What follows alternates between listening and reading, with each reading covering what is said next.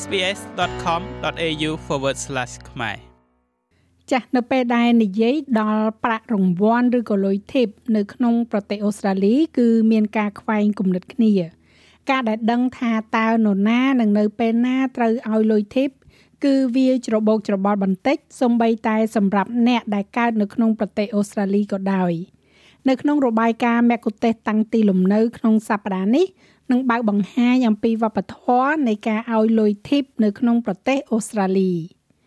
លុយធីបគឺជារង្វាន់ជាប្រាក់ដែលឲ្យដល់បុគ្គលិកសម្រាប់ការបម្រើសេវាកម្មល្អវាអាចត្រូវបានបង់ជាក្រដាស់ប្រាក់ឬតាមរយៈប្រព័ន្ធទូទាត់ដោយគ្មានក្រដាស់ប្រាក់ដែលភាសាអង់គ្លេសហៅថា cashless payment នៅប្រទេសអូស្ត្រាលីមានការភ័ន្តច្រឡំជាច្រើនហើយថែមទាំងមានការខ្វែងគំនិតគ្នាផងដែរអំពីថាតើយើងត្រូវឲ្យលុយធីបដែរឬអត់ដែលជួនកាលគេហៅថាជាប្រាក់រង្វាន់លោក Bill D ដែលបានចំណាយពេលជាច្រើនឆ្នាំធ្វើការជាមួយនឹងគណៈកម្មការប្រកួតប្រជែងនឹងអ្នកប្រើប្រាស់អូស្ត្រាលី ACCC ពន្យល់ថាភាពច្របូកច្របល់របស់យើងកើតចេញពីទម្លាប់ឲ្យលុយធីបដែលយើងសង្កេតឃើញនៅក្នុងប្រទេសដទៃ tipping is really a cultural ការឲ្យលុយធីបពិតជាបញ្ហាវប្បធម៌មួយឧទាហរណ៍នៅសហរដ្ឋអាមេរិកវាគឺជាកាតព្វកិច្ចនៅកន្លែងជាច្រើនប្រសិនបើអ្នកទៅភោជនីយដ្ឋាន ពួកគេពិតជាមានថ្លៃទឹកតែឬក៏ថ្លៃរង្វាន់បន្ថែមនៅពីលើវិក័យប័ត្រមានការរំពឹងទុកផងដែរថាប្រសិនបើអ្នកជិះឡានតាក់ស៊ីឬក៏អ្វីមួយបែបនោះអ្នកត្រូវបង់លុយធីបនៅអូស្ត្រាលីវិញវាគឺជារឿងមួយផ្សេងទៀត តាមវប្បធម៌របស់យើងការផ្ដល់លុយធីបគឺជាជំរើសដែលយើងផ្ដល់ជូនដោយស្ម័គ្រចិត្តច្រើនជាង នៅប្រទេសអូស្ត្រាលីការសម្រេចចិត្តឲ្យលុយធីបគឺអាស្រ័យទៅលើបុគ្គលម្នាក់ម្នាក់លោកឌីមានប្រសាសន៍ថាការជ្រើសរើសឲ្យលុយធីបអាចជាការឆ្លើយតបទៅនឹងគុណភាពនៃសេវាកម្មដែលយើងទទួលបាន it is voluntary you don't have វាជាការស្ម័គ្រចិត្តអ្នកមិនចាំបាច់ត្រូវឲ្យលុយធីបទេប៉ុន្តែនោះមិនមែនមានន័យថាមិនមានការឲ្យលុយធីបកើតឡើងនោះទេ នៅក្នុងប្រទេសអូស្ត្រាលីវាគឺជាការបង្ហាញពីការពេញចិត្តឬបង្ហាញពីការកោតសរសើររបស់អ្នកជាមួយនឹងសេវាកម្មអតិថិជនដែលកាន់តែប្រសើរ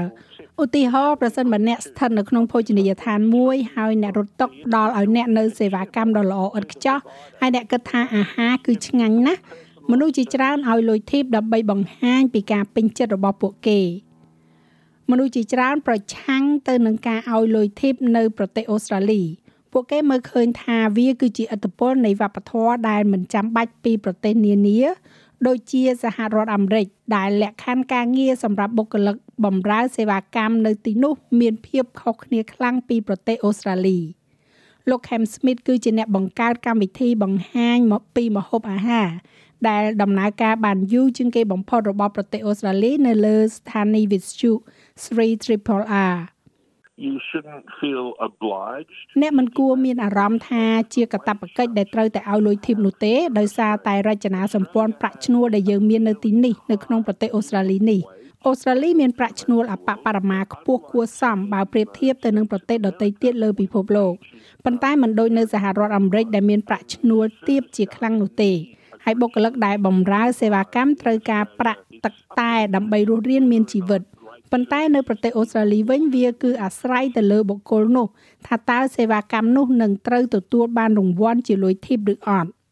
ជំនឿទូទៅមួយគឺថាមិនចាំបាច់លើកកម្ពស់វប្បធម៌ដែលផ្ដល់លុយធីបសម្រាប់សេវាកម្មប្រចាំថ្ងៃនោះទេ លោកឌីពន្យល់ the thing about tipping in Australia រឿងនៃការឲ្យលុយធីបនៅក្នុងប្រទេសអូស្ត្រាលីវាគឺជាការបង្ហាញពីទឹកចិត្តចំពោះសេវាកម្មដែលល្អហួសពីសេវាកម្មធម្មតា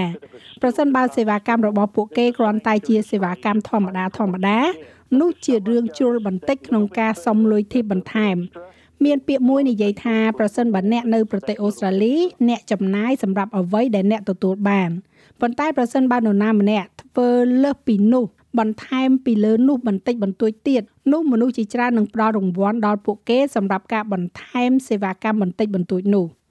ប្រសិនបើអ្នកជ្រើសរើសឲ្យលុយធីបបន្ទាប់ពីទទួលទានអាហាររួចក្រដាស់ប្រាក់អាចទុកនៅលើតុបន្ទាប់ពីទទួលទានអាហាររួចឬក៏នៅក្នុងកំប៉ុងដែលគេដាក់នៅលើតុបញ្ចូលគិតលុយ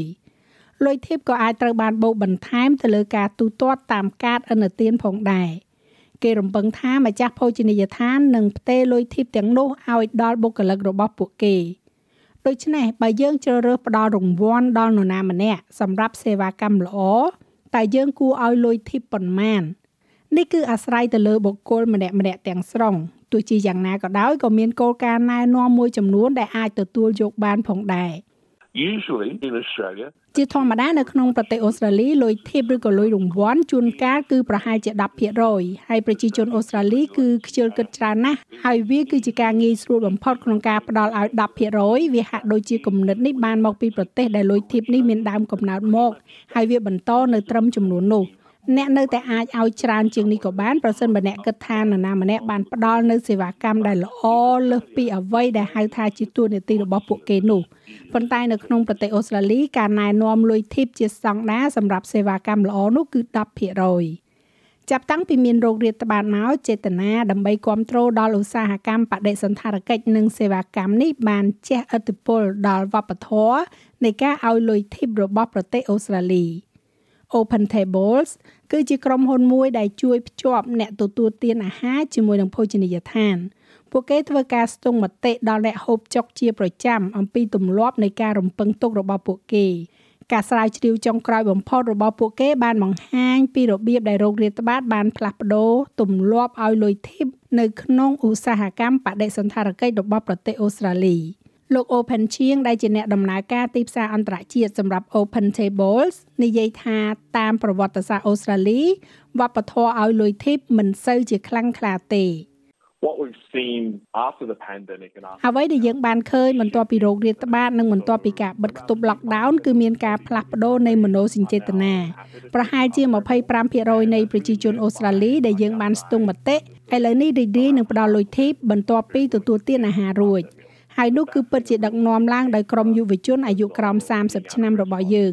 ប្រមាណជាពាក់កណ្ដាលនៃពួកគេមានបំណងឲ្យលុយធីបបន្ទាប់ពីទទួលទានអាហាររួច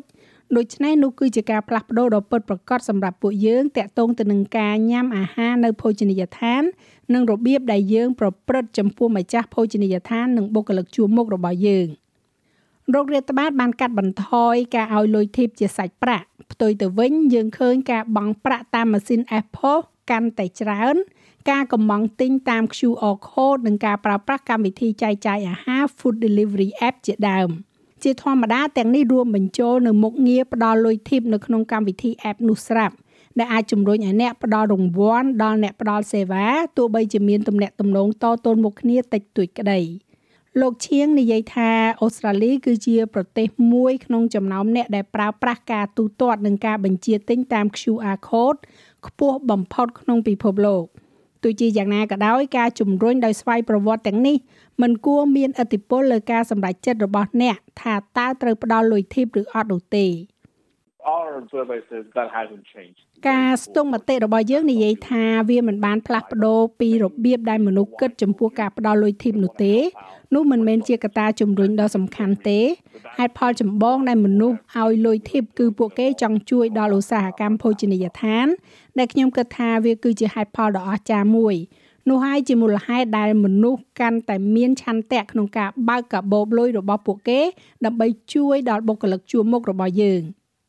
នៅប្រទេសអូស្ត្រាលីអ្នកបើកតាក់ស៊ីមិនរំពឹងថានឹងទទួលបានលុយធីបនោះទេទោះបីជាវាគឺជារឿងធម្មតានៅក្នុងការដំឡើងថ្លៃឲ្យគុតគុតដោយមិនយកប្រាក់អាប់មកវិញជាងកាត់សក់ជាងកែសម្ផស្សនិងបុគ្គលិកសន្តាគារក៏មិនរំពឹងថានឹងមានលុយធីបដែរតែប្រសិនបើអ្នកមានគោលបំណងគ្រប់គ្រងដល់ឧស្សាហកម្មបដិសណ្ឋារកិច្ចនោះអកប្បកិរិយារបស់យើងអាចធ្វើឲ្យមានការផ្លាស់ប្ដូរដ៏ធំមួយនេះបើតាមប្រសាសន៍របស់លោក Robin Chiang generally we pay delivery fee but ជាទូទៅយើងបង់ថ្លៃដឹកជញ្ជូនប៉ុន្តែភោជនីយដ្ឋានក៏បង់ថ្លៃដឹកជញ្ជូនច្រើនគួរសមដែរ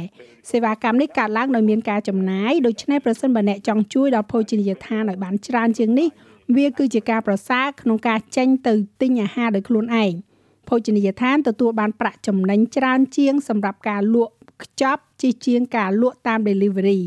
ខ្ញុំគិតថាដែលល្អបំផុតនោះអ្នកអាចទៅទទួលទានអាហារនៅភោជនីយដ្ឋានដោយផ្ទាល់ខណៈពេលដែលគំនិតនិងទម្លាប់មានភាពខុសប្លែកគ្នាយ៉ាងខ្លាំងអ្វីដែលសំខាន់ដែលត្រូវចងចាំនោះគឺថា នៅក្នុងប្រទេសអូស្ត្រាលីការឲ្យលុយធីបគឺអាស្រ័យទៅលើអ្នកទាំងស្រុងចាស់ហើយរបាយការណ៍នេះចងក្រងឡើងដោយ Melissa Campanoni និងប្រែសម្រួលសម្រាប់ការផ្សាយជាភាសាខ្មែរដោយនាងខ្ញុំហៃសុផារ៉ានី ចុច like, share, comment, និង follow SBS ខ្មែរនៅលើ Facebook.